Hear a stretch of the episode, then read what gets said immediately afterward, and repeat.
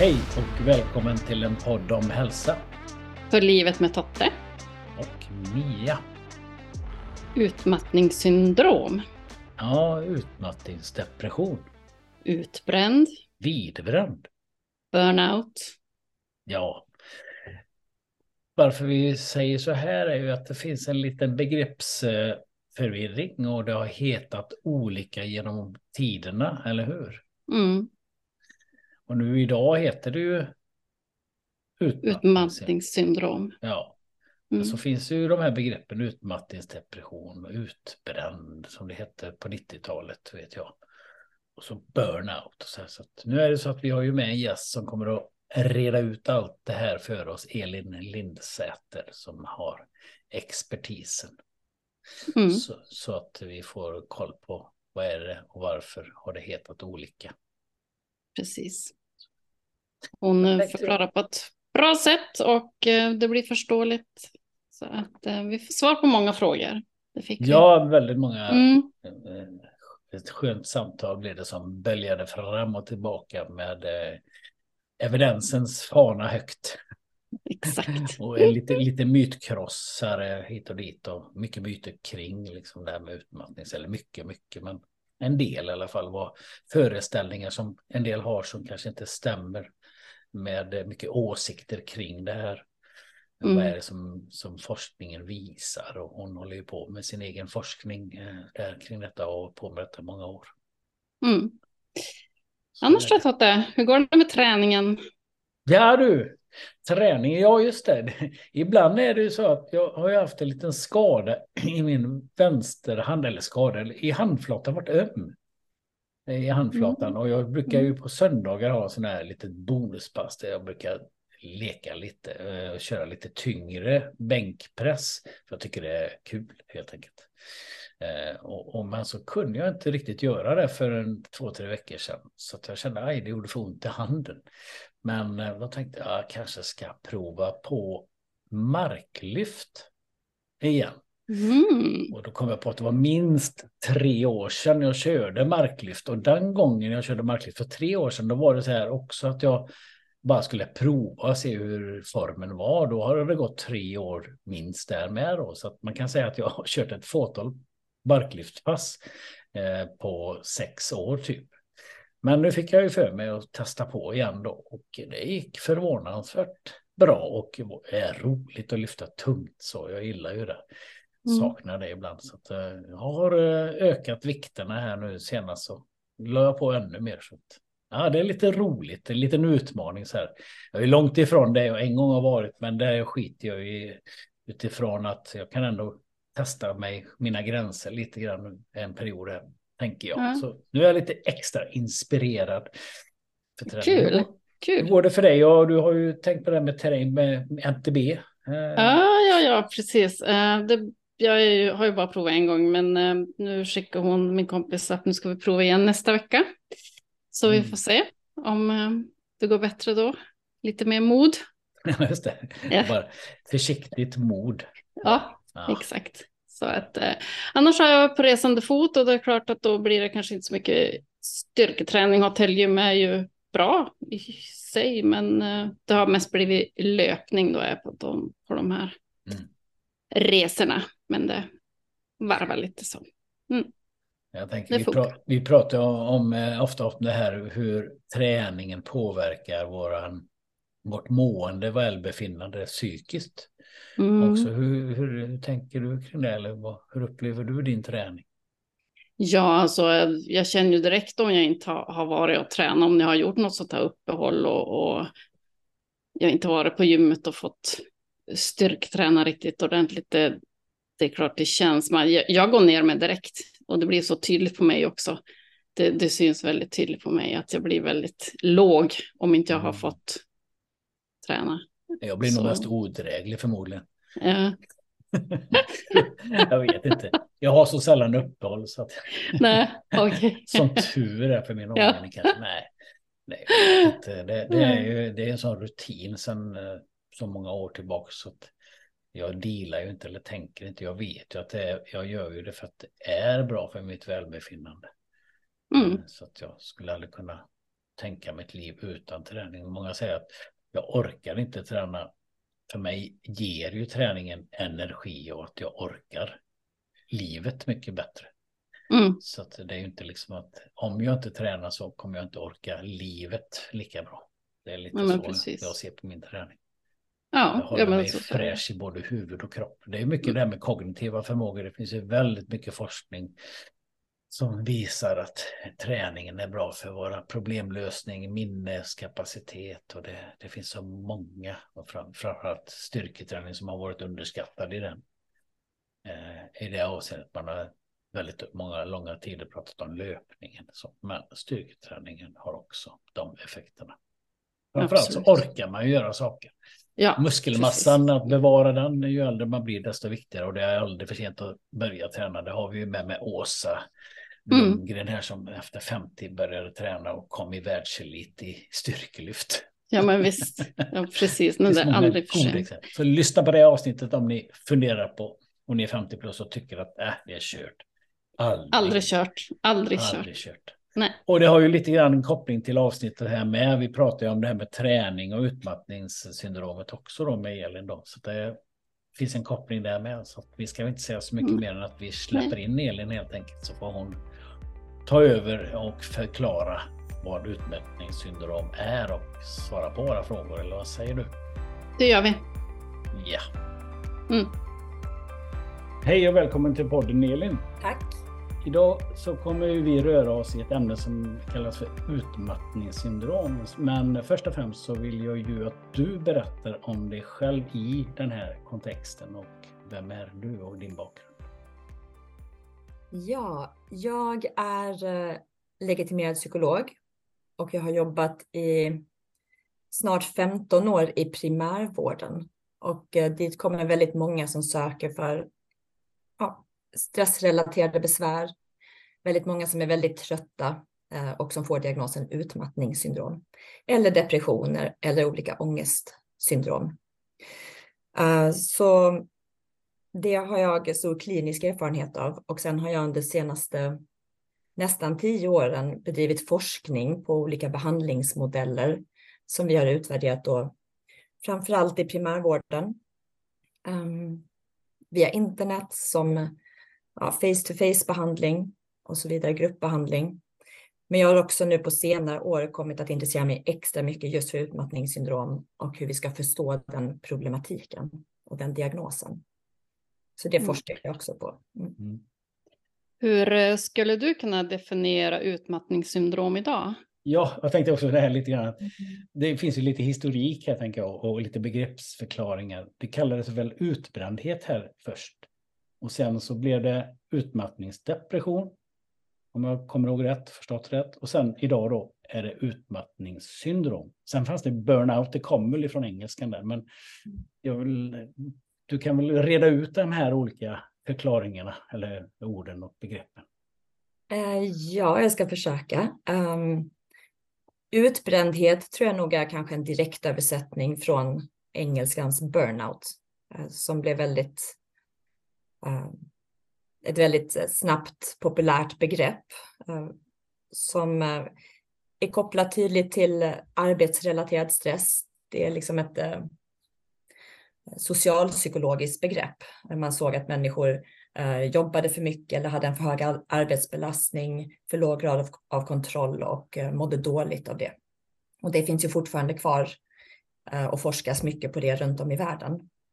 Men i Sverige Eh, så eh, upptäckte man i slutet på 90-talet när vi hade en ekonomisk kris att sjukskrivningstalen ökade. Och det var mycket den här problematiken när man intervjuade personer då som var sjukskrivna för depression till exempel, så såg man att det var väldigt mycket av um, arbetsrelaterade besvär och stress som de gav uttryck för. Och just den här utmattningen eller burnout-bilden när man är väldigt trött och sak, inte kan frambringa engagemang. Och då började man diskutera hur ska de kunna bli sjukskrivna? För burnout, utbrändhet, är ingen diagnos som man kan då få sjukpenning för. Um, och då utvecklades, um, då tog man fram kriterier för att uh, skapa en ny diagnos. som kom att heta utmattningssyndrom. Uh, så att det här med utmattningsdepression, det var nog uh, ganska tidigt när det fanns en oklarhet om hur depression och den här symptombilden med utmattning hängde samman.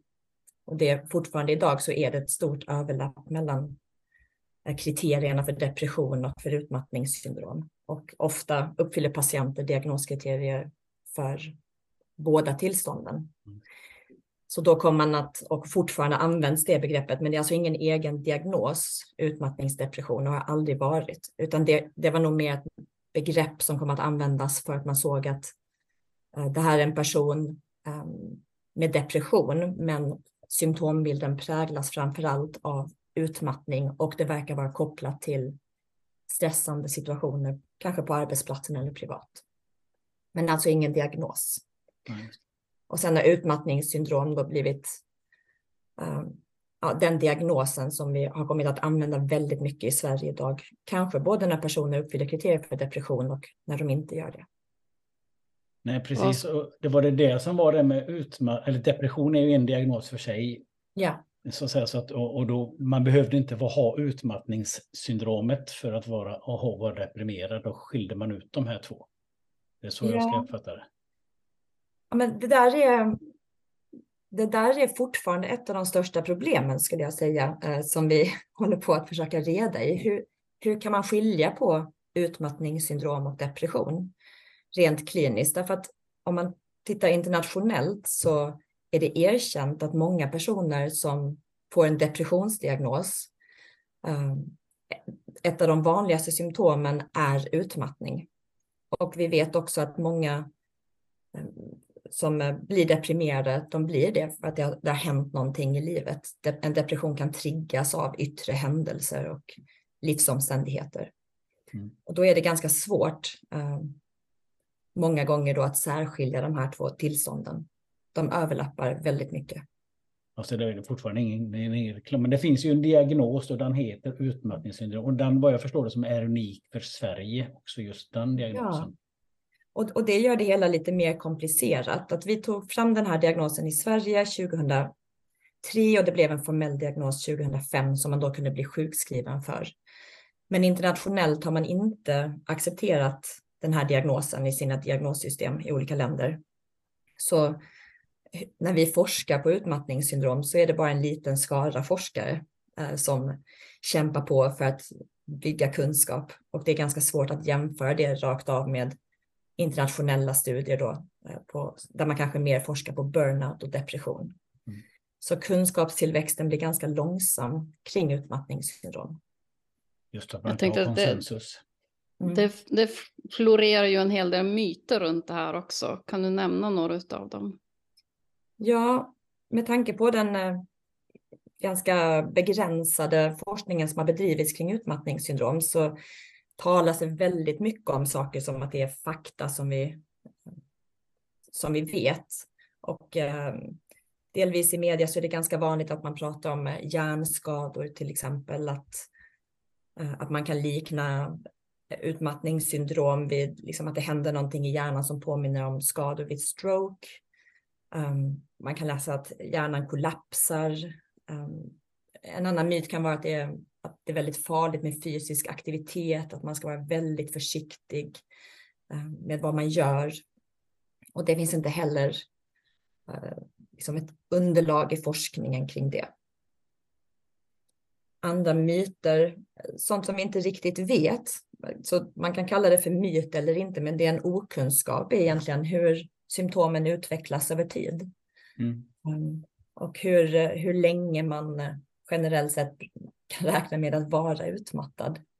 Där vi kan höra att det tar väldigt lång tid eh, innan man blir återställd. Och det, det har vi inte riktigt studerat. Vi vet inte heller om eh, den här symptombilden då med utmattning som huvudsakligt symptom och kognitiva besvär, om det alltid beror på just stressorer i våra liv under senaste halvåret, så som diagnoskriterierna säger.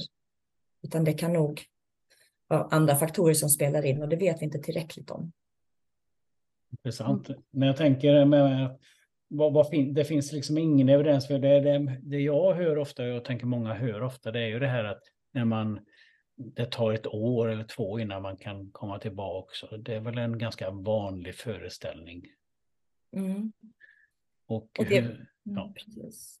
Ja, men det, det är ju en klinisk observation att eh, många som, eh, som eh, utvecklar de här eh, besvären, att det, tar- det tar ganska lång tid för många att Mm. liksom känna att de är återställda och att de klarar av saker på en nivå som de klarade av dem förut. Mm. Så det, det är klart att det ligger någonting bakom det. Det, det är liksom så det brukar kunna se ut för patienter, men det är oklart när vi pratar om det på det viset så kan det också färga våra förväntningar när vi mår dåligt. Och förväntningar har en ganska kraftfull eh, effekt på hur vi också beter oss och, eh, och tänker kring hur vi ska komma vidare. Det blir någon slags Nockebo-effekt, alltså där man om, man om man förväntar sig att man ska må dåligt ett år så gör man det. Skulle Ja. det kunna vara typ en sådan slutsats man kan dra? Men-. Placebo, det är, Nocebo, det är motsatsen. Vi kan i alla fall inte ut, utesluta att all information som vi får eh, om hur lång tid det kommer ta och om hur skadade våra hjärnor är och hur vi ska bete oss, att det också till viss del då kan, kan färga våra förväntningar och våra rädslor och farhågor som gör att, att eh, problemen kvarstår. Jag funderar på det med, jag har ju hört det här med, den, den, det finns ju lite fysiologiska förklaringar som en del gärna Mm. kommer med om man möter på på nätet. Binjureutmattning är väl ett sånt där ord. Att ja, det är binjurarna och att det är kortisol och serotoninnivåer och så slutar binjurarna funka och så vidare. Vad vet man om detta idag och vad, vad säger du om själva begreppet? Om begreppet binjureutmattning Ja, Um, Men det är ju en hypotes som, eh, som forskare jobbar med eh, och den, det kom ut en litteratursammanställning eh, om det begreppet för eh, några år sedan. Och då kunde man se att det fanns ingen tydlig koppling mellan någon dysfunktion i binjurarna och symptomutvecklingen.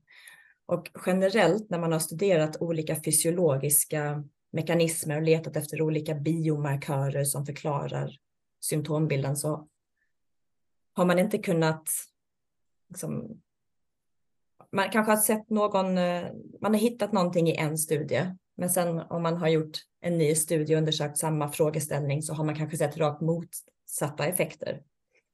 Eller så um, har det varit väldigt små grupper som man har tittat på eller så. Men det, det viktiga att föra fram är att man har inte systematiskt kunnat hitta någon, något fysiologiskt mått eller biokemiskt mått som systematiskt över flera olika studier eh, kan förklara varför vissa personer blir så här trötta och utmattade. Och det gäller ju även när man har tittat på trötthet i andra patientgrupper. Eh, nu pratar vi om eh, lång covid till exempel. Där det också är svårt att identifiera precis de här biologiska mekanismerna som gör att vissa är trötta under så lång tid. Och man kan inte riktigt eh, hitta några tydliga förklaringsmodeller. Då börjar, då börjar det liksom ploppa upp alla möjliga tvärsäkra experter på sociala medier som påstår det ena och det andra. Ja, och, och nu går jag ju bara till vad man har sett i forskning. Det här är ett jättestort eh, besvär och det vid kroniskt trötthetssyndrom söker man också med ljus och lykta efter den här biomarkören som ska förklara varför människor mår som de gör. Men det, det börjar bildas någon sorts, i alla fall i, i delar av forskningssamhället, någon sorts konsensus kring att det är förmodligen så komplext eh, så att vi kan inte det påverkas både av eh, sociala faktorer, kulturella faktorer, eh, psykologiska, beteendemässiga faktorer och biologiska faktorer och att det, de interagerar med varandra. Så att det blir ganska svårt att hitta liksom en biologisk förklaring som kommer kunna förklara varför alla människor inom en viss patientgrupp då eh, reagerar som de gör. Vad har du för tankar kring varför de här uppstår, liksom de här förklaringsmodellerna? Vad tänker du det beror på? Du är ju psykolog. ja, men jag, jag kan förstå den starka önskan om att hitta en, en, en tydlig förklaring. Människor mår så dåligt. Det är många som mår så dåligt. Och, eh, och det är komplext och man söker ett svar. Eh, och också kanske ett svar som gör att, eh, att man kanske kan utveckla någon typ av medicinering eller lite snabbare lösning på de här jobbiga symptomen som, som är så hindrande för en. Så att den, den önskan att komma med den sortens förklaringsmodeller eller att hitta den sortens förklaringsmodeller är väldigt stark. Och skulle vi göra det så skulle det såklart vara fantastiskt. Men, men, Hitta den heliga graalen. Ja. ja. Men det, än så länge har vi inte lyckats. Vi har inte lyckats inom utmattningssyndromsfältet överhuvudtaget. Um, men tittar man, breddar man perspektivet och tittar internationellt så har man liknande besvär där, även om det bedrivs alltså, så otroligt mycket mer forskning kring den här symptombilden internationellt så har man inte hittat Eh, systematiskt då, några biologiska förklaringar. Jag tyckte det var just intressant, mm. du sa det att man inte har någon konsensus, att olika länder har olika uppfattningar och modeller och förklaringar. Och att mm. Det tyder ju väldigt tydligt på att det här är väldigt komplext, annars hade man ju varit ganska överens, men det är man ju inte riktigt där. Då. Nej. Och det gäller också definitionerna som, som vi har för symptombilden. Eh, där man då, som, som jag sa, i vissa länder så pratar man mycket om burnout, men i andra länder så ser man samma typ av problematik och pratar väldigt mycket om kroniskt trötthetssyndrom. I andra länder så definieras det på andra sätt och man kanske framför allt studerar depression och tittar på trötthet vid depression. Mm. Så det, det, är olika diagnoser och det finns ingen konsensus om hur, vilka kriterier som ska gälla eller hur vi ska egentligen definiera den här utmattningen som vi ser över olika patientgrupper. Jag tyckte det med träning sa du att det var någon föreställning som fanns att det ska man inte göra, för den hade jag nog inte hört innan. Det var nytt för mig. Ja. Eh, vad, vad, hur, hur tänker man då när man säger att träning kan orsaka utmattningssyndrom i sig nej, då? Jag tror inte kanske, nej jag tror inte orsaka utmattningssyndrom, nej. men däremot så jag har faktiskt fått flera eh, frågor, både från patienter men också från eh, journalister som vill skriva om till exempel eh, hur ska man egentligen tänka om hur man får lov att träna om man har ett utmattningssyndrom. Ja, ja.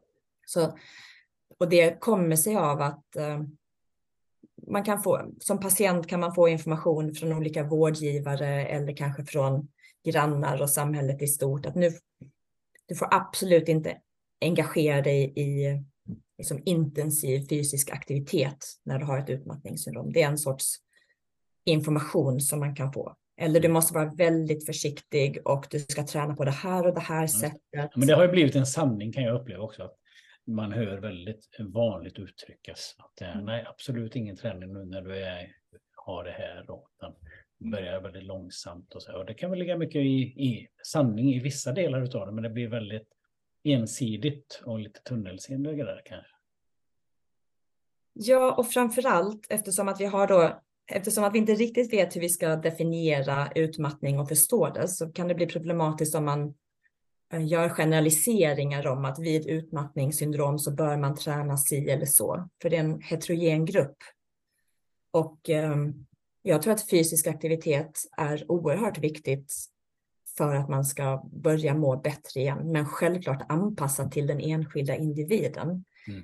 Men får man då information från vården till exempel att det här kan vara skadligt eller man ska undvika det här och det här, då kan det skapa mer rädsla och symptomfokusering än att man faktiskt vågar prova olika beteenden och aktiviteter som faktiskt kanske är sånt som man har mått väldigt bra av tidigare.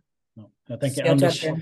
Anders Hansen har varit och talat en hel del om det med träning i, i kombination med depression. Mm. Att det är så viktigt att jag vet att han har eh, marknadsför den här tanken att om du tränar cirka tre gånger i veckan 45 minuter löpning så kan du i princip slänga dina mediciner. Ja. det är väl lite, det är i alla fall det han har varit ute med. Och det ligger väl mycket, liksom, han poängterar, men det kan ju inte någon som är inne i den första fasen givetvis göra. Man kanske siktar däråt möjligtvis, men att man börjar i lugnt, det är väl ganska uppenbart att man inte kan gå ut och springa tre mil Nej, oftast kan man ju inte det om man, om man har svårt att ens orka hålla ögonen öppna. Ja, bara Mm. ligga i sängen och inte orka knappt ta sig Mm. till toaletten och så ska man ut och springa. Det är ju lite...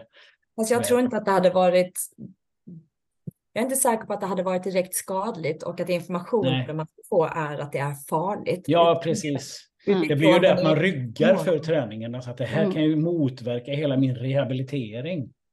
Ja, Eh, Att vara i rörelse. precis. Och då kanske den här rehabiliteringen, gissar jag då, kan bli ännu längre tack vare att man alldeles rör sig för lite. Ja, för man, man får ju en dålig kondition. Man får ju sämre förutsättningar för liksom att ha... Eh, man behöver en god kondition för att kunna återhämta sig och, och öka sin aktivitetsnivå generellt. Och ligger man, är man väldigt stillaliggande och passiv så försämras ju eh, det mesta fysiologiskt. Mm. Eh, Så, Jag, ja. jag hade faktiskt en eh, bekant som eh, fick det här utmattningssyndrom. Och, men den personen fick rekommendationerna av företagshälsovården att gå ut och röra sig. Och det slutade med att den här personen köpte gymkort och började vara på gymmet. Och, så att det finns ju positiva fördelar också. Ja. Ja, men, och, och, det, och det säger någonting om hur osäker vården är Ja. för den Mm. patientgruppen. Mm, Lite beroende på vem man träffar inom vården och kanske vart man bor i landet så kan man få helt motsatta rekommendationer kring hur man ska hjälpa sig själv. mm. Men jag tänkte, du nämnde det där med, med kronisk trötthet som eh, symptom. Vad kan du mer säga finns för symptom vid utmattningssyndrom? Um, ja, om man bara tittar på kriterierna. Mm, ju, um, dels så, så bygger det väldigt mycket på att symptombilden ska ha utvecklats som en konsekvens av identifierbara yttre händelser som har varit påfrestande, som har pågått under minst sex månader. Men det, man, det som är det centrala sen i symptombilden är just eh, bristande energi och fysisk och psykisk utmattning som ska ha hållit i sig i minst två veckor. Och det är en ganska kort duration egentligen. Um, Om man tänker att man har sovit dåligt och haft det tufft på jobbet så kan man känna sig ganska trött och låg eh, och energilös under två veckor, eh, i är min erfarenhet. Men så, så det är i alla fall det centrala, att man orkar inte göra saker som man eh, tidigare har orkat eller det kräver mycket mer av en. Man kanske har svårare att eh, hantera stress. Eh, man är mer lättirriterad. Eh, man sover ofta sämre och man upplever ofta att man har svårare att fokusera eller koncentrera sig på saker och att komma ihåg sånt som vanligtvis som man kommer ihåg helt automatiskt. Ehm, och sen är det vanligt att man eh, har olika typer av fysiska krämpor, att man kanske är spänd i, i axlarna, man har eh, problem med magen eller man upplever att eh, man är känsligare för ljud och ljusintryck. Så det är en, det, huvud, det obligatoriska kriteriet är mest eh, att man inte orkar som man har orkat förut. Och att det, det påverkar ens funktion. Och sen finns det en massa valbara då, eh, kriterier som är stresskänslighet, ehm, fysiska besvär, problem med sömnen, irritabilitet. Ehm, det, finns nog något mer där som jag missar nu. Ja, men det är väl ett, det är väl som är vanligt med diagnos, Ja. att ett visst antal kriterier ska uppfyllas för att du ska kunna få diagnosen. Och diagnosen i sig leder väl till då att man kan faktiskt få hjälp och få en, bli sjukskriven och, och få den hjälp man behöver helt enkelt. Det är ju anledningen till varför vi har diagnoser. Exakt. Men, Mm. men just här så, så finns det inte den tydliga kopplingen då att om du uppfyller de här kriterierna så vet vi hur vi ska hjälpa dig. Så vi har en diagnos där, man, där det inte är jättesvårt att uppfylla kriterier faktiskt. Och vi har inte um, tydliga effektiva behandlingsmodeller för patientgruppen. Nej, eftersom jag tänker att forskningen är lite oklar så är det ju svårt att veta vilka behandlingsinsatser kanske också. Det, blir ju, det följer ju lite med varandra här. Exakt. En Mm. sak jag har funderat på som jag har hört, eh, det är det här med positiv stress. Eh, Mm. Och, som jag har förstått det så, så kan man ju definiera det på lite olika sätt. Men, men många säger men det är ingen fara för mig, jag, det är bara positivt den här stressen. Eh, så det, det, det, är lugnt. Så vad, vad tänker du kring det? Alltså jag, här beror det ju på hur man definierar stress. Men eh, jag skulle säga att stress nästan alltid är positiv faktiskt. Ehm, för då får man skilja på stress som fysiologisk, eh, en dynamisk fysiologisk aktivitet och stressorer som finns utanför oss som triggar igång den här aktiviteten. Men stress i sig, ehm, det handlar ju om att vi är anpassningsbara, att vårt biologiska system, vårt autonoma nervsystem reagerar när det händer saker och eh, förbereder oss för att kunna hantera situationen på bästa sätt. Och den responsen kan ju väckas av stort och smått och, den håller oss eh, liksom vitala och eh, hjälper oss att anpassa oss till det som krävs genom livet. Så det, det är generellt alltid positivt och det måste vi komma ihåg. Mm. Det, det, är ju som säger, när jag tar, har behandling i KBT så brukar vi prata om olika grundkänslor. De har en funktion. Mm. Alltid. Eh, att ilska har en bra funktion och den kan också vända åt andra hållet och bli negativ för individen. Jag jobbar ju med kriminella och det är mycket våld. Men så då brukar vi ta det med ilska. Det brukar ju vara, ja, men det, det är jättebra, man markerar och ja, adrenalinet hjälper oss och har hjälpt oss evolutionärt. Och jag tänker mm. det är väl samma sak du är inne på här egentligen med mm. stress. Det är ju en evolutionär egenskap vi har liksom för att hoppa och vissa situationer och lära oss. Alltså, kortisolet är ju någonting bra. Ja, absolut. Så, så det, och jag tror att eh, de symptomen som man kan få då vid, eh, vid stresspåslag, eh, de är generellt också positiva för att de hjälper oss att kunna agera eller verkligen fokusera på uppgiften som vi har framför oss. Men det finns en risk att man upplever dem som negativa eller besvärande eller o, liksom, obehagliga. Eh, men eh, generellt så är det positivt. Men det förutsätter ju att vi också sen kan komma ner i varv. Återhämtningen. Att, mm. Ja, eh, att, att vårt eh, liksom, eh, att vårt fysiologiska system stabiliseras igen och att vi får vila, vi känner oss trygga och kan liksom pusta ut. Och det kan ju vara utmanande ibland om, man hela tiden liksom upplever att det händer saker runt omkring oss och vi ska vara alerta och vi, vi är aktiva och har en hög arousal under väldigt lång tid. Då blir vi trötta. Och eh, kan vi då sova ordentligt på natten så har vi ett ganska bra skydd eller om vi till exempel får fysisk aktivitet eller kan skifta fokus så att vi lämnar stressande tankar bakom oss och umgås med vänner där vi känner oss bekväma och, och trygga. Ja, då vi hittar öar till återhämtning mm. helt enkelt. Eh, ja. Så, så då, då, då är ju stressen positiv och den är, då kan man kalla att den blir lite kortvarig för den är inte ständigt närvarande. Jag tänker också att man om man upplever stress på jobbet och även hemma nästan mm. dygnet runt sådär att det är väl en, kanske en stor riskfaktor eh, kring att utveckla något utmattningssyndrom eller vad säger du om det? Ja, då, vi blir ju väldigt slitna och då, då känner vi också ofta av att vi blir slitna, att, eh, att vi blir tröttare. Ofta så påverkas ju sömnen av det om vi har den höga aktivitetsnivån under hela dagen.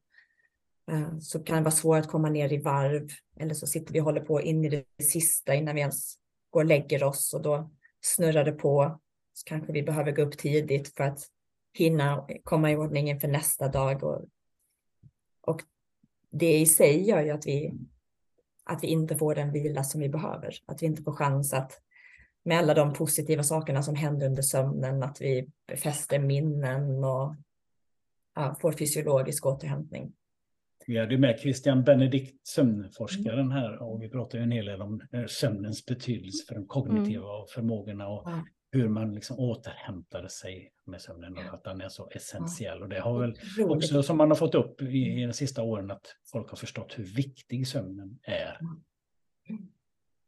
Vi har ju sett eh, i några av våra studier att, det, att sömnen är det som driver förändring i våra behandlingar. Att de som lyckas sova bättre under, eller förbättra sin sömn under loppet av en behandling är de som svarar bäst på behandlingen och som får störst eh, minskning av symptom på utmattning och stress. Så det är nog en väldigt viktig sak att fokusera på för människor som mår dåligt, att försöka liksom, få sömnen att fungera lite bättre. Att inte slarva med den. Och det, vi pratar ju även om det här med alla appar och allt, sömnappar och sånt där kan ju stressa på en också. Att oj, nu har jag sovit mm. för lite. Mm. Så vidare. Sen så hade han väl att det i överlag var ganska positivt ändå. Att man tror att man sover dåligt så märkte man att nej, jag sov inte så lite som jag hade trott heller. Mm. Så det finns ju båda sidorna av det där. Verkligen. Och generellt så tar ju kroppen igen på egen hand genom längre djup uh, mer djupsömn om man får lite för lite sömn under en period. Så mm. vi är ju skapade för att kunna hantera otroligt svåra utmaningar. Mm. Men, men det är en viktig del och uh, det är någonting man, som jag tror att man gärna kan börja titta på om man märker att man håller på att bli väldigt trött och sliten. Jag tänkte vilken medicinering finns det idag och hur fungerar den mot utmattningssyndrom? Det har eh, bedrivits väldigt, ett väldigt litet antal studier där man egentligen har tittat på medicinering specifikt för utmattningssyndromsproblematiken. Ehm, det är väl framförallt eh, att man har tittat lite på SSRI till exempel som vid depression. Men då verkar det inte ha någon större effekt just på utmattningen, även om det kan minska graden av nedstämdhet. Men eh, generellt brukar man nog säga numera att det finns inte riktigt någon medicin för långvarig trötthet. Och det är också baserat på internationella studier där man har försökt ta fram olika läkemedel för, ja, det, det är inte då utmattningssyndrom, men liknande kliniska bilder. Så är det, har man inte hittat någon medicin som är verksam. Vad intressant, för då tänker jag ju det du sa innan där att man är ju inte riktigt överens eh, vad allting det här beror på. Man hittar ingen medicinering utifrån att man inte kan hitta någon specifik orsak. Eh, och hade man den den hjälpte inte mot själva utmattningsdelen. Så att, eh, det är fortfarande att, att eh, hitta vad, vad, är det då? Och då tänker jag att forskningen är oerhört viktig i det här avseendet. Mm. Att man kan hitta. Om man tänker att många som du var inne på lite där Totte med utmattningsdepression och vi pratar om överlapp mellan dem, depression och utmattningssyndrom. Så jag vet kliniskt också att jag har liksom haft flera patienter eh, som kanske då har fått SSRI och upplevt att de har blivit, att de har mått betydligt bättre av det. Men sen har de ändå behövt eh, jobba på med eh, tröttheten efter det, för att den har inte riktigt blivit hjälpt. Men där finns också personer som kan bli hjälpta av eh, läkemedel för sömn under en begränsad period. Så i enskilda fall kan man såklart se att en del patienter mår bättre av SSRI i kombination med sömnpreparat. Men man har inte sett, det är inte så beforskat, så vi kan säga att det ska ges till alla patienter med utmattningssyndrom till exempel. Men det är lite grann att man provar sig fram med olika klienter och förutsättningar och individen. Hur ser det ut runt omkring? Och så mm. utvärderar man helt enkelt om det ja. fungerar. Det är ju inget farligt i sig. Mm. Men fungerar det så märker ju patienten Ja, men det finns inga tydliga riktlinjer kring det. Nej. Liksom det inte heller riktigt finns någon tydlig riktlinje kring hur man ska jobba psykologiskt till exempel och vad som är de mest centrala eh, delarna för att en patient ska må bättre. Vi pratade ju med, med Joar Guterstam här eh, som beroendeforskare. Eh, för han, vi släppte precis ett avsnitt i podden här, och han pratade om stigmatisering som finns kring alkoholberoende. Sen pratade vi med Ingrid Larsson som är fetmaforskare och näringsfysiolog om stigmatiseringen kring övervikt och fetma. Och förr i tiden så var det ju väldigt mycket prat om att många som eh, man var väldigt sådär, man ville inte tala om att man hade, var deprimerad eller utmattningsdepression, att det var lite stigmatiserat. Hur eh, upplever du att det är kring den biten idag? Jag själv tycker att man alla pratar ju om, man känner alltid någon som har haft det och det är väldigt öppet klimat mm. jämfört med förr, enligt min eh, anekdotiska erfarenhet. Men jag skulle nog hålla med dig. Um, jag tror att det är min upplevelse är att det är mycket lättare för människor att prata om uh, utmattningssyndrom och en, ja, till exempel beroendeproblematik tror jag är, är ganska stigmatiserat betydligt mycket mer än utmattningssyndrom, men att det också är lättare att prata om utmattningssyndrom jämfört med typ andra ångestsyndrom eller depression till och med. Att det är någonting som, vi, som är så ständigt närvarande i vårt samhälle och på arbetsplatser. Och för att inte tala om stress i sig, att det är någonting som, som jag tror att det finns typ noll stigma kring ja. att prata om, mm. utan snarare att det är någonting där vi känner igen oss hos varandra. Det är ett vanligt samtalsämne. Hur stressad är jag? Hur mycket har jag att göra? Hur ska jag få ihop det livspusslet? Mm. Um, sen kanske det, det, är lite svårare att, att prata om om man, om man faktiskt då har blivit sjukskriven. Det skickar en signal om att jag var väldigt stressad, men jag mäktade inte riktigt med. Och där tror jag att en del personer kanske tycker att det känns jobbigt. Men det kan väl kännas som ett misslyckande, reflektion. tänker jag, liksom att man inte klarar av sitt jobb och man kan känna, alltså, misslyckas man så kan man känna sig att jag är misslyckad och det här jag är liksom ja. så. Så det är väl den känslan man kan, många kan gå omkring med. Ja, verkligen. Så mm. det är inte, men, men det avhjälps ju av att det, pratar man om det så är det alltid någon som känner igen sig eller känner någon, som du säger Totte, så att det, det är ändå ganska normaliserat. Ja, jag tänker det med alkoholberoende. Med, pratar jag med någon på jobbet så känner alla någon som har ett alkoholberoende mm. eh, i ja, princip, okay. eller har problem med alkoholen. Men där finns ju det där stigmat att också kontrollförlusten, att man inte klarar av att hantera sitt liv. Ja, ja, att, ja, men det gör ju alla andra, klarar ju av att dricka. Och lite grann kan det ju vara så, tänker med, med ut, en depression, kanske mer än utmattningsdepression, att ja, jag klarar inte av mitt liv. Det är liksom på något mm. sätt att det blir lite skambelagt. Ja det avseendet. Då. Mm. Men det är som säger, den här öppenheten som finns idag, den har ju gjort att folk ändå, det är liksom så många som har drabbats av det. Ja. Och också tror jag att det är lättare att efterfråga en sån diagnos i vården än, än att uh, få en annan diagnos när det kan vara svårt att bedöma. Man kanske har, uh, har, har en rad olika typer av besvär Eh, som man, som man söker för. Men där jag tror att min erfarenhet är att många tycker att det är lättare att hantera och kanske till och med föredrar att få utmattningssyndromsdiagnos framför en del andra diagnoser. Vart, eh, vart kan man söka hjälp då? Vart ska jag vända mig om jag känner så? Eh, du ska vända dig till din husläkarmottagning. Mm. Och då ser det väldigt olika ut runt om i Sverige eh, hur man har organiserat sig inom primärvården och vilken bemanning man har såklart eh, och vilken kompetens man har. Men generellt så är det liksom första anhalten när man märker att nu, jag klarar inte det här på egen hand. Jag eh, behöver hjälp och reda i det här och förstå vad som händer med mig. Hur kan man hjälpa någon som har utmattningssyndrom? Hur, hur kan jag på bästa sätt hjälpa den här personen Finns det några bra tips här? Ja, lite som vi var inne på så, så är det ju alltså, att ha utmattningssyndrom är inte riktigt en sak, så det, det, kan ju vara så många olika faktorer som spelar in, så det är lite svårt att generalisera. Men jag skulle nog säga att eh, generellt att kanske inte det som ligger nära till hands tror jag för många är att blir väldigt bekymrade att prata med personen om nu måste du vara försiktig och du måste göra dig av med allting som stressar dig och du får inte ta tag i saker. Du måste liksom se till att andra får sköta det här, de här sakerna. Du ska inte behöva göra det.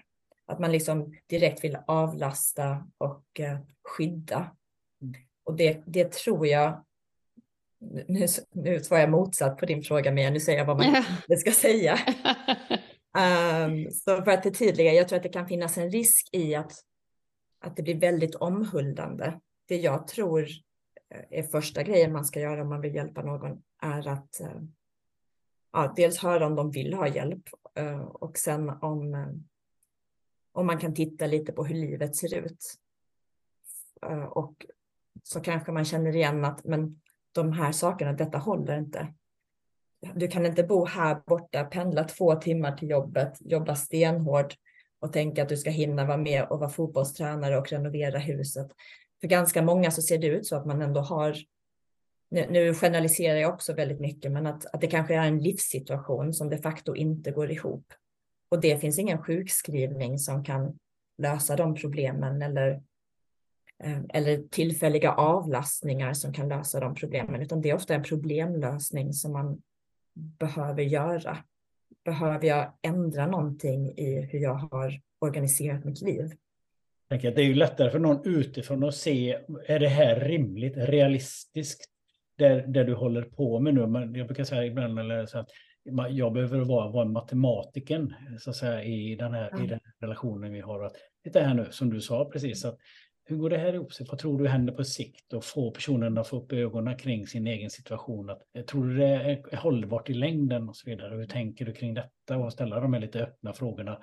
Mm. Peka lite grann på beteendet. Och så ser personen, vad, vad säger personen själv? Att kommer fram till det själv, att ja, men det kanske ligger något i det. Då är man ju där med lite utforskande frågor. Ja, precis.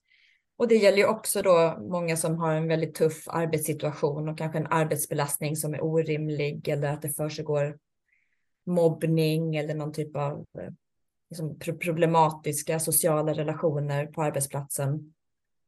Ehm, då kan det också vara så att den här initiala avlastningen, att komma därifrån, att det kan vara så skönt, men, men man har ändå den här problemlösningen att göra för att vad, vad är det man ska bygga upp sen? Hur ska det kunna fungera på sikt? Så då behöver man ställa svåra frågor till sig själv om var man befinner sig i sitt arbetsliv, vad man, vad man vill göra, vad, vad som är rimligt att man ska kunna göra. Vad är det för typ av arbetsplats man, man vill vara på? Kanske behöver man söka nytt jobb eller ta en del jobbiga snack på arbetsplatsen. Mm tänkte, vad, vad kan um, arbetsgivaren göra för den som kom tillbaka från utmattningssyndrom, sjukskrivning? Hur kan den hjälpa till?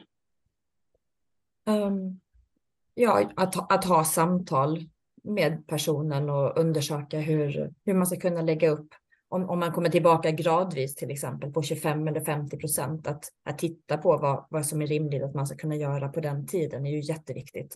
Man har en rehabplan så att man följa den planen för den här personen då. ja, I den bästa av världar så har man ju en plan som man kanske delvis har fått stöd att göra från, från vårdens sida eller företagshälsovård. Och som man gärna då ska, ska kommunicera med arbetsgivaren, att den har, har gjorts i någon typ av samråd med arbetsgivaren så att, så att man vet hur man ska lägga upp eh, eller följa upp planen. Någonting som jag har trott var en, är en sanning och kanske är en sanning, det är ju att när man kommer tillbaka så ska man inte återgå till exakt samma miljö och arbetsuppgifter. Utan där finns de där stressorerna som kan trigga igång det igen. Jag vet inte om du, jag antar att du också har hört talas om att det här har mm. varit för så. Det har jag hört många gånger genom åren. Och det, det är ju absolut inte sant skulle jag säga. Jag tänkte nästan många... detta. jag vågar ge mig ut på den. Nej, men jag, jag hade det på känn så jag tänkte jag, jag, jag, jag bjuder på den. Nej, men det, det, kan ju absolut vara sant för vissa personer, men inte som en sanning som går att generalisera på något sätt.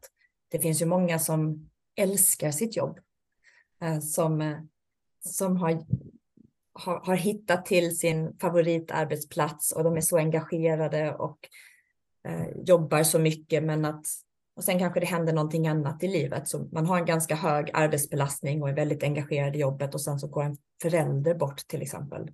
Eller man får ett barn som har någon typ av svårighet och så är det den totala liksom, livssituationen som... Både hemma och på jobbet som, som blir summan av alla stress. Vad sa du? Summan av stressen på både arbete och privat. Och så tycker jag att det är ganska ofta. Ja.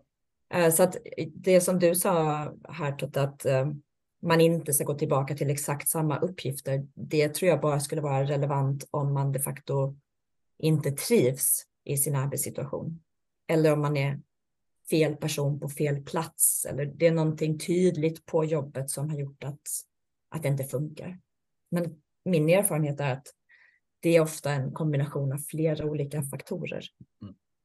Ja, vi har, jag har ju haft på, på min arbetsplats till exempel personer som har haft utmattningssyndrom. De har ju kommit tillbaka successivt och kanske på 25 procent och så har de gjort en arbetsträning på 25 mm. procent för att sen mm. successivt börja jobba med sina vanliga arbetsuppgifter igen som är, som är själva syftet för den här personen. Ja. Att man successivt bygger upp. Men jag tänkte lite, vad finns det för behandlingar att tillgå? Nej, men det, det, jag tycker att det, är, det här är något som är ganska skrämmande tycker jag. Att det har bedrivits väldigt lite forskning på vilken typ av behandling som är hjälpsam. Alltså relativt sett. Det är ett, ett gäng studier, men det är ganska få kontrollerade studier och eh, ganska ofta så, så rekommenderas ju komplexa behandlingar där man kanske får gå på speciell rehabilitering och träffa flera olika yrkeskategorier och ibland så ska man engagera sig i olika gruppbehandlingar och eh, träningsprogram flera gånger i veckan. Och det är ju för att det är en komplex problematik som man har utvecklat sådana behandlingsmodeller, men det har man inte studerat i, liksom i forskning i någon större utsträckning. Så det vet vi inte om, om det är det bästa för, för patienter. Kognitiv beteendeterapi har man också studerat en hel del. Eller um, flera av studierna undersöker just effekten av KBT som ju är mer avgränsad. Då kanske man mest har kontakt med en psykolog eller annan psykosocial behandlare um, och jobbar individuellt eller i grupp. Um, och eh, det verkar som att det är hjälpsamt för många personer. Men den stora frågan är är någon behandling bättre än någon annan? Eh, det vet vi inte så mycket om. Eh, är, är behandling bättre än att inte få behandling och till exempel bara vara sjukskriven? Det vet vi inte heller så mycket om. Så det, det, det, om man ska sammanfatta forskningsfältet för just utmattningssyndrom vad gäller behandling så verkar det som att det mesta som vi gör hjälper personer att må något bättre. Så vi ser att symptom minskar hos de flesta över tid. Men vi vet inte riktigt vad det är vi gör som hjälper och om det är det vi gör överhuvudtaget som hjälper eller om symptom minskar över tid eh, hos de allra flesta. Om man tittar på ettårsuppföljningar så verkar det som att väldigt många mår mycket bättre efter ett år. Men hur, vad vi pysslar med inom vården under den tiden, det vi vet inte riktigt vilken effekt det har.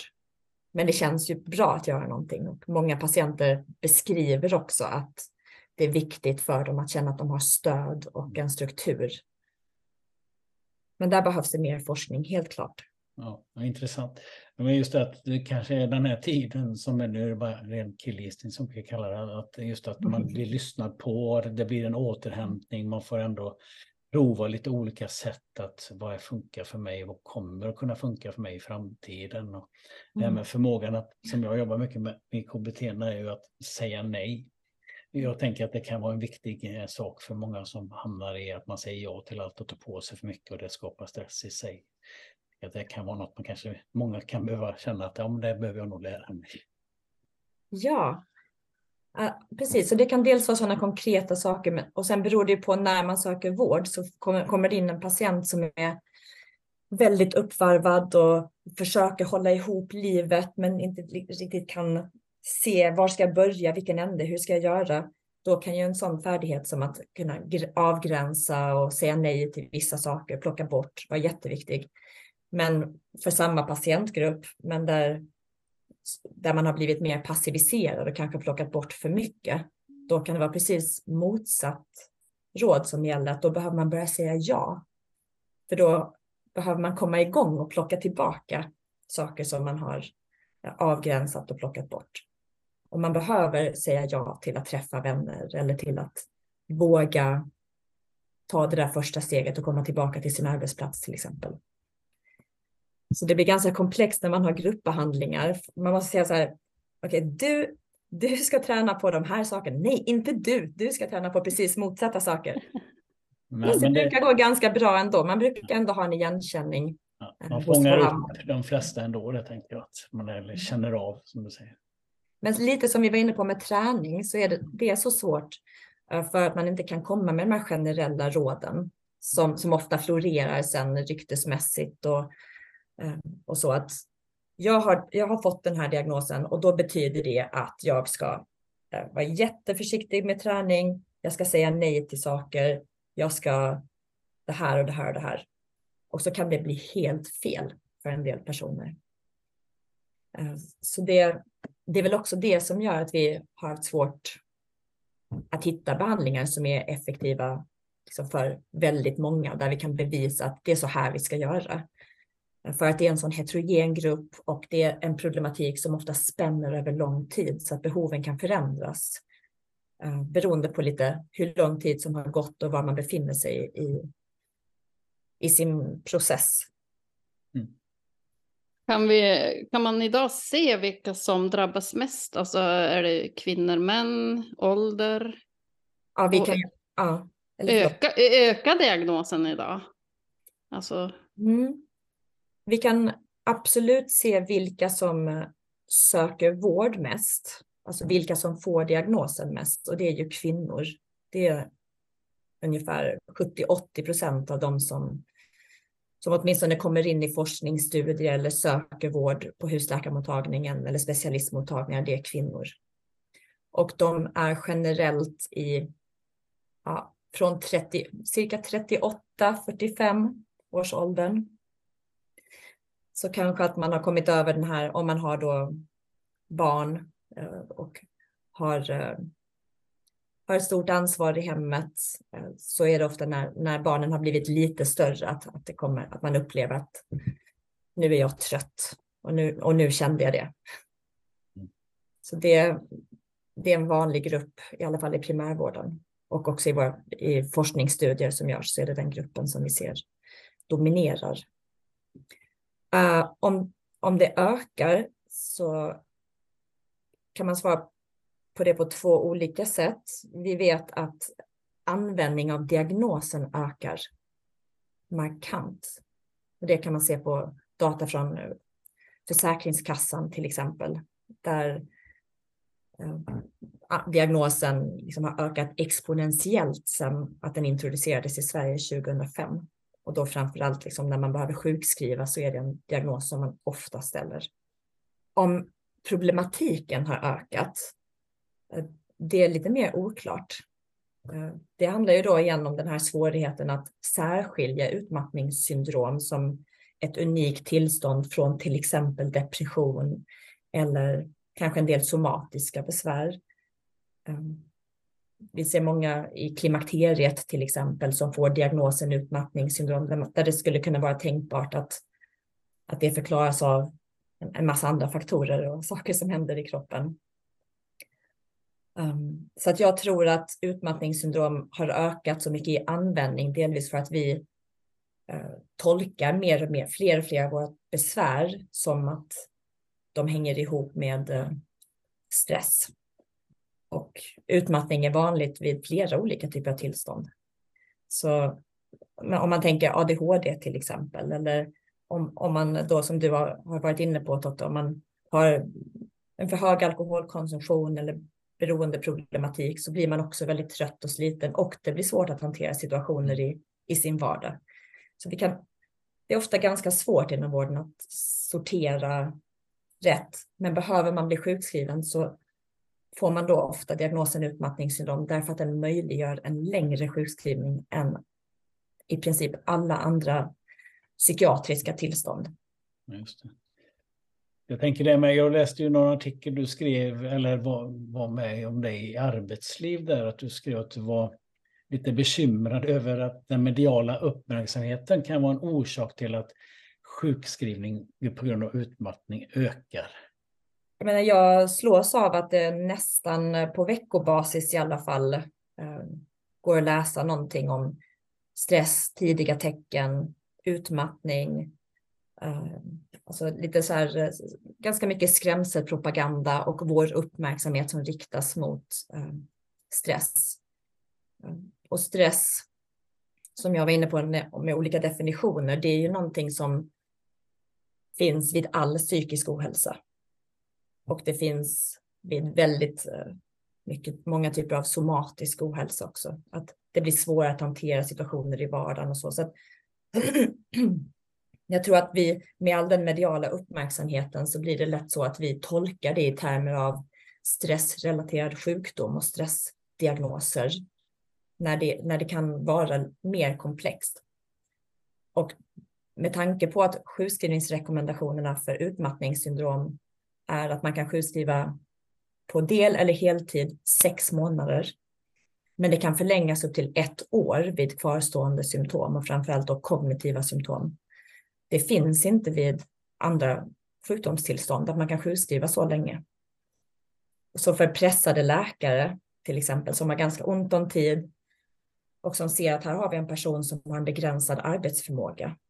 Eh, jag behöver lösa problemet. Då tror jag att, att även läkare präglas av den här stress, eh, det här stresspratet och stressbilderna som vi får i vårt samhälle och att man lättare får en stressdiagnos än att man kanske gräver lite djupare och ser att det finns ett flertal andra faktorer som spelar roll för att man upplever stress. Mm. Än att det är bara på arbetsplatsen eller så. Jag vet inte om, om eh, det är tydligt. Jo, det, det, som jag, jag menar, det skapar ju den här mediala bilden, tänkte, som det, så, det skapar ju en, eh, om man gör, det blir lite förenklingar och vi, vi känner av för mycket. Alltså, allting handlar, så fort jag känner att nu är jag väldigt stressad, då söker jag och så kanske man liksom lägger på väldigt mycket och så tycker läkaren att ja, uff, sätter stämpeln på. Och så är det klar, av med problemet att det i sin tur, att vi pratar så mycket, att öppenheten i sig nästan har blivit det har varit jättebra, tänker jag, positivt, men också att det finns kanske en baksida med det då, att man får den andra biten. Ja, och, och eftersom att stress finns med i all, mm.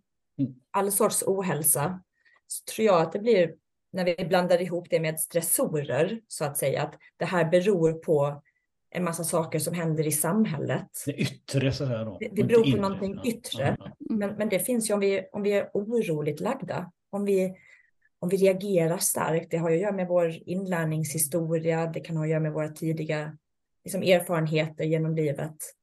Uh, vi, vad har vi för sorts personlighet? Uh, vad har vi för levnadsvanor? Allt det påverkar ju hur vi svarar på saker som händer i vår omgivning.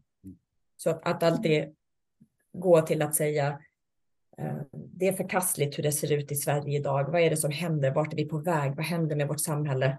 Så resonerade man ju på 1800-talet också. Under den industriella revolutionen så tänkte man att nu, det händer så mycket så människan kommer att gå under i princip. Och det gjorde vi inte. Nej. Vi har gått igenom flera sådana faser där vi pratar om yttre händelser som att de, att de är jätteskadliga för människan. Men, men, men det har också mycket att göra med vår resiliens och vilka vi är.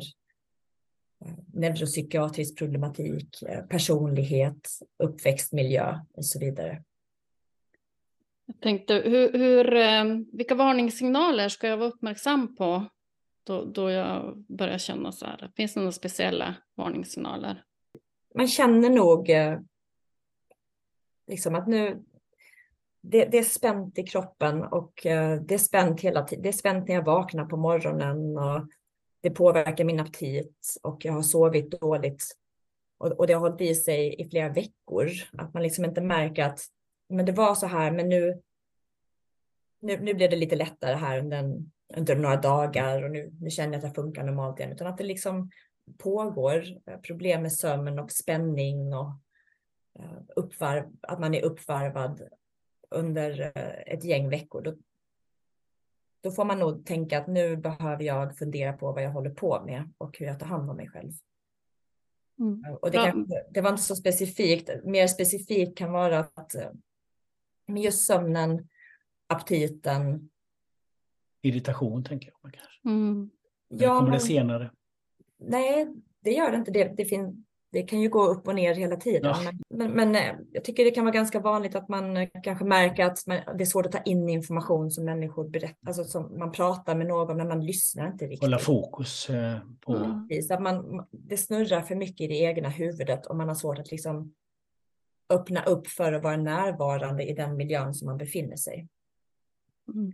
Och, och, det är ju helt normalt under en stressad, om, om, man har en period när det är väldigt mycket på gång. Så att alla de, man ska inte bli rädd om man märker av det eller om man glömmer koden till sitt eh, eh pin, till sitt Visakort till exempel, eller man kommer inte ihåg var man har parkerat bilen. Det är inte så, man behöver inte bli så alarmerad för att så blir det i perioder och vi kan vara väldigt stressade och det är okej. Okay. Att det är ju mer om man märker att det är återkommande under flera veckor som jag tänker att då, då behöver man eh, ändå liksom försöka stanna upp, ta hjälp, prata med någon som man litar på och kanske i första hand problemlösa kring hur man, vad man håller på med just nu, hur det ser det, ut i livet. Lite grann när vi pratar om innan, det att vara sin eh, egen matematiker och är det realistiskt om jag fortsätter så här att stanna upp observera sig själv och sitt beteende och om det här fortsätter, hur jag måste kanske hitta någon lösning på detta. För det och, och tyvärr så blir ju det svårare att, och svårare att, att stanna upp och resonera på det sättet. För att ju längre vi går och har den här höga aktivitetsnivån och har svårt att fokusera, desto svårare blir det ju för oss att faktiskt tänka klart kring hur, hur vi lever. Mm. Och då kan man behöva den där andra personen som, eh, som man sitter ner tillsammans med. Och det behöver inte vara en professionell eh, person inom sjukvården i första hand, utan har man den äran att man har människor i sin omgivning som man litar på och, eh, och känner sig trygg med att få hjälp att bara titta hur, hur ser det ut och hur mår jag?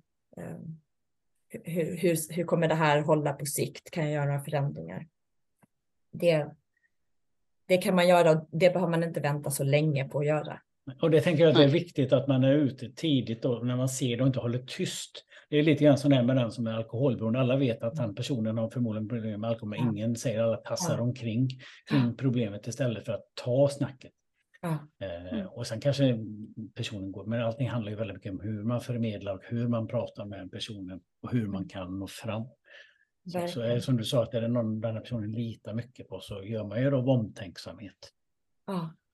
Mm. Och sen är det såklart också väldigt bra om man märker att ah, det här, det går inte ihop om det är på min arbetsplats. Att man inte väntar för länge med att kommunicera med Exakt. sin arbetsgivare. För det, och det är bara att lägga fram en karta här, liksom att titta här, jag har detta, det är mm. ditt problem, inte mitt problem. Hur ja. löser jag min vardag? Så, så, jag har, så det här arbetsuppgifterna ska jag göra på den här givna tiden. Hur mm. tänker du att jag ska klara det? Ja, precis. Mm.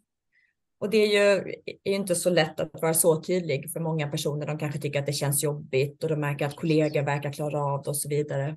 Eh, men, men i den mån som man klarar Man vill ju lösa det själv. Det det. Alltså man vill inte ja. ha ett problem. så. Så lö och så löser man det genom att sitta hemligt på kvällarna kanske ja. och göra klart och, och klara av mm. det man ska göra. Och, och där är det ju bra att, att samla mod och ta det snacket ganska mm. tidigt. För då kan man ofta göra mindre justeringar som kan vara väldigt hjälpsamma istället för att komma med information om att nu, nu har det kraschat totalt och jag, jag orkar ingenting mer. Nu kommer inte jag dyka upp på tre månader. Bra råd, väldigt bra råd. Jag tänkte, hur ser din forskning ut idag? Um, jo, men lite olika. Um, jag har några behandlingsstudier på gång uh, som är uppföljning av mina tidigare studier där vi håller på och undersöka effekten av internetförmedlad KBT för personer med ja, både, både lite lindrigare stress eller det vi kallar för anpassningsstörning och patienter med utmattningssyndrom som är de mer funktionsnedsatta generellt då har lite annan problematik. Men vi tänker att det är samma typer av liksom, livsstilsförändrande stöd som de kan jobba med. Och det blir ganska individualiserat i de behandlingarna Eh, med KBT. Man, man, får identifiera sina egna besvär och, och, behov och sen så jobbar man systematiskt med det under 12 veckor. Så vi håller på med en studie där vi deltagare slumpas till att få den här internetförmedlade KBT-behandlingen eller en annan internetförmedlad behandling som inte är KBT utan mer fokuserad helt och hållet på livsstilsråd, eh, hälsoråd. Ja, så det är randomiserade grupper där som ni kan sen göra en jämförelse och utvärdering på då? Ja, och så vill vi följa upp det upp till två år efter behandling. Okay. Så vi, vi försöker liksom eh, lära oss mer sen då också om vilka, vilka blir hjälpta av behandling? Eh, hur kan vi förstå de som inte blir hjälpta? Är det någon skillnad i kognitiv funktion och sjukskrivningsmönster eh, hos de här patienterna över tid? Så, så dels sådana behandlingsstudier håller jag på med.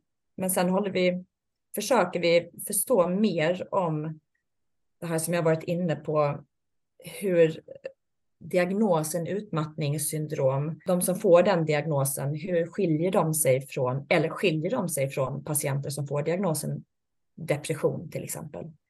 Eller den här andra stressdiagnosen, anpassningsstörning. Eh, och vill, jag vill egentligen gå vidare mycket på det spåret eh, för att försöka förstå den underliggande problematiken och likheter över olika patientgrupper som, som är trötta. Så istället för att titta specifikt, nu ska vi se så jag kan förklara det här på, på ett tydligt sätt. Um, jo, om, om jag börjar i den här änden och, och försöker att inte bli för långrandig. Samma symptombild som vi ser vid utmattningssyndrom, om vi bara tittar på symptombilden och tänker bort att det ska bero på eh, stressande livshändelser, så bara symptombilden, den förekommer alltså över så många olika typer av sjukdomsbilder. Efter stroke så är det jättemånga som utvecklar den symptombilden. Efter en cancerbehandling, vid olika eh, personer som har haft hjärnskakningar eller fått olika hjärnskador så ser man att en del personer blir inte bra. De har den här utmattningsproblematiken kvar länge. Men likväl om man har haft en infektion, en covid-infektion till exempel, eller annan så finns det också en grupp som inte blir bra. Och min hypotes är att, och baserat på, på internationella studier, att det finns likheter i de här patientgrupperna. Att, eh, att det, vi kanske inte ska hitta på separata diagnoser för eh, alla som utvecklar svår trötthet, som binjureutmattning till exempel, som blir en helt egen grupp, utan att vi kan titta på symptombilden över olika Eh, sjukdomsbilder. Och det ger mycket större underlag för att förstå både biologiska mekanismer hos de som utvecklar symptombilden, men också som faktorer som vidmakthåller de här, den här utmattningen över tid. Och då finns det en del forskning redan som visar att det är samma mekanismer i de här olika patientgrupperna. det har att göra delvis med en rädsla eh, för symptomen att man är rädd för eh, att göra olika aktiviteter för att man är rädd för att det ska förvärra ens tillstånd. Att man har ett, ett väldigt fokus på symptomen och monitorerar dem väldigt noggrant för att se om man blir bättre eller sämre när man gör olika saker. Och de, det är några av de faktorerna och hur mycket man tror på sin egen förmåga att kunna hantera symptomen. Det är sådana faktorer som är gemensamma oberoende av om man då har om problembilden utlöstes av en infektion, en faktisk skada, eh, ett neurologiskt tillstånd eller stress. Spännande. Det tycker jag är spännande. Mm. Ja, det lät väldigt spännande. Väldigt spännande. Mm. Du, jag tänkte Elin att vi skulle börja avrunda. Mm. Har du, eller har du någonting innan det som du skulle vilja tillägga det vi har pratat om så ska jag komma med en sista fråga här. Nej, inte vad jag kan komma på nu. Mm. Nej, vi har ju alltid, vi brukar avsluta med tre tips för en hälsa för livet och här tänker jag väl kanske att vi kopplar in det på tre tips för att undvika att hamna i en utmattningssyndrom. Tänker jag skulle kunna vara en, de tre handfasta tipsen som du skulle kunna ge.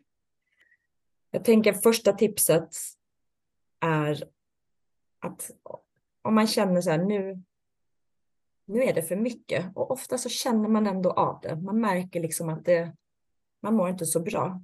Det kan bero på många olika saker, men att, att, att försöka sätta sig ner och identifiera i ett ganska tidigt skede. Hur, hur ser mitt liv ut? Uh, vad, vilka saker som ingår i livet gör att jag mår bra? Uh, har jag de sakerna? Gör jag de sakerna nu? Mm. Och vad är det som som jag tycker känns jobbigt och vad, vad finns för orosmoment och sen försöka sålla i dem och se vad kan jag påverka? Eh, vad kan jag behöva hjälp med? Men att, att det går inte att bara, bara leva på och inte reflektera. Ja, och, och titta på hur det ser ut. Mm. Att kartlägga hur ser mitt liv ut. Så det är mitt första tips. Det ska man nog göra. Mitt andra tips. Uh, gör det utan att samtidigt googla på utmattning, undersöka vilka olika bloggare som skriver om utmattning och Facebookgrupper som finns om utmattning. Därför att jag tror att det är problematiskt. Att ta in en massa information, då får man förväntningar om de här tidiga symptomen är listade här. Men jag känner ju igen det. Och det verkar betyda att jag kanske aldrig kommer bli frisk igen och att jag kanske har en skada i min hjärna. Och det tror jag inte är hjälpsamt. För de flesta så går de här symptomen på att man känner sig väldigt trött. Eh, det, det, det liksom ingår i normal fluktuation. Eh, I perioder så, så är det så för de allra flesta och för de allra flesta så avtar det sen och så märker man variationer över dagar. Eh, och över längre eller kortare perioder. Men då kan de här sociala medierna och olika typer av information från omgivningen leda oss in i, i felaktiga tankar om våra egna symptom. Men det blir ju stressorerna i sig där, bara att ta del av all den här informationen och läsa alla självutnämnda experter. Ja, så jag skulle önska att eh, man kunde bara titta på sitt eget liv och den egna erfarenheten av när mår jag bra och vad tycker jag är, är svårt. Och att kapa gå inte in i de här grupperna i för stor utsträckning. Det är råd ett och råd två. Ja. Mm. Uh, och det tredje rådet, det är väl att må många är ju socialt utsatta och kanske inte har liksom, människor omkring sig som man kan bolla med och känna ett stöd från. Och, uh, eller så har man det, men, men man tycker inte att man får den hjälp man behöver. Och då självklart så kan man vända sig till sin husläkarmottagning. Och ofta nu idag så tror jag ändå att det är så att det finns ganska bra stöd att få. Att, eh, att man kan eh, få någon professionell person som, det behöver inte vara något omfattande, det kan handla om att få hjälp att göra just den kartläggningen. Att få syn på sin egen situation och hur man kan behöva ändra vissa både, både jobba med det, det yttre, det man kan påverka, men också hur man förhåller sig till olika situationer.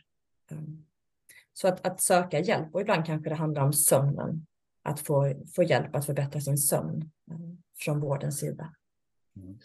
Så det, det ska man inte heller dra sig för. Ehm, men, men då kan det vara bra att man sitter ner en stund själv och faktiskt tittar på. Ibland klarar man av ibland så ser man det väldigt tydligt själv vad man skulle behöva göra för sorts förändringar. Lite om jag begriper det rätt här, så de två första där är ju lite mer att titta på sig själv, inte gå och söka någonting utanför utan göra sin egen beräkning och sen kanske fråga någon i omgivningen som man känner förtroende för. Då.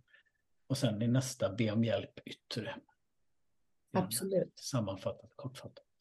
Ja, och det, och det där, hoppas jag att det inte finns ett så stort stigma. och Jag tror inte det. För i alla fall min kliniska erfarenhet är att väldigt många ber om den hjälpen.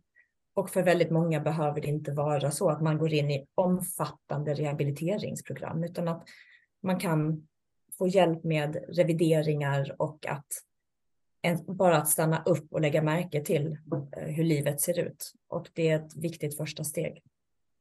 Sen finns det också mer systematiska behandlingar och, och eh, ja, organiserad vård som man kan få om man behöver det. Mm. Bra, intressant. Elin, tusen, tusen tack för att du ville vara med och ställa upp och be om hjälp. är väl ett, ett bra motto som vi ska framföra. Ja. Mm. Nej, jätteintressant och eh, bra samtal. Så krossade vi några myter med åtminstone föreställningar som finns ganska vanliga. Att, eh, så ja, vi tackar helt enkelt för att du ville medverka. Mm. Tack eh, så mycket för att jag fick vara med. Då är ännu ett avsnitt klart i podden. Elin Lindsäter hon lotsar oss med säker hand genom det svåra ämnet utmattningssyndrom. Kunskap är frihet, inte bara makt, sa en annan gäst, Ingrid Larsson, när hon var här som gäst. Det är så vi tänker. Det finns så mycket tvärsäkerhet också på sociala medier. Och den här podden försöker anlita sakkunniga på, och experter på olika områden och utgå från vad forskningen visar. Egna erfarenheter av till exempel nu då utmattningssyndrom är just precis detta, egna erfarenheter. Det som ibland då händer på olika sociala medier är att det här, det här egna erfarenheterna ibland blir till generella sanningar. Och man påstår att det här gäller och så här är det. Men det är ju inte så som eh, forskningen visar. Och det blir därför en del i att man sprider en del felaktiga föreställningar och kanske myter som tar, tar fart. Eh, som i det här fallet med utmattningssyndrom som Elin snackar om. Elin talar både utifrån sin kliniska erfarenhet, det vill säga mötet med patienterna eh, som hon träffat och vad forskningen visar, hennes forskning, hur den är på gång och den generella forskningen. Här är det mindre tvärsäkerhet i omlopp. Och ännu verkar, du, eh, verkar det finnas mycket kvar vi behöver veta för att sätta in till exempel adekvata åtgärder och behandlingar.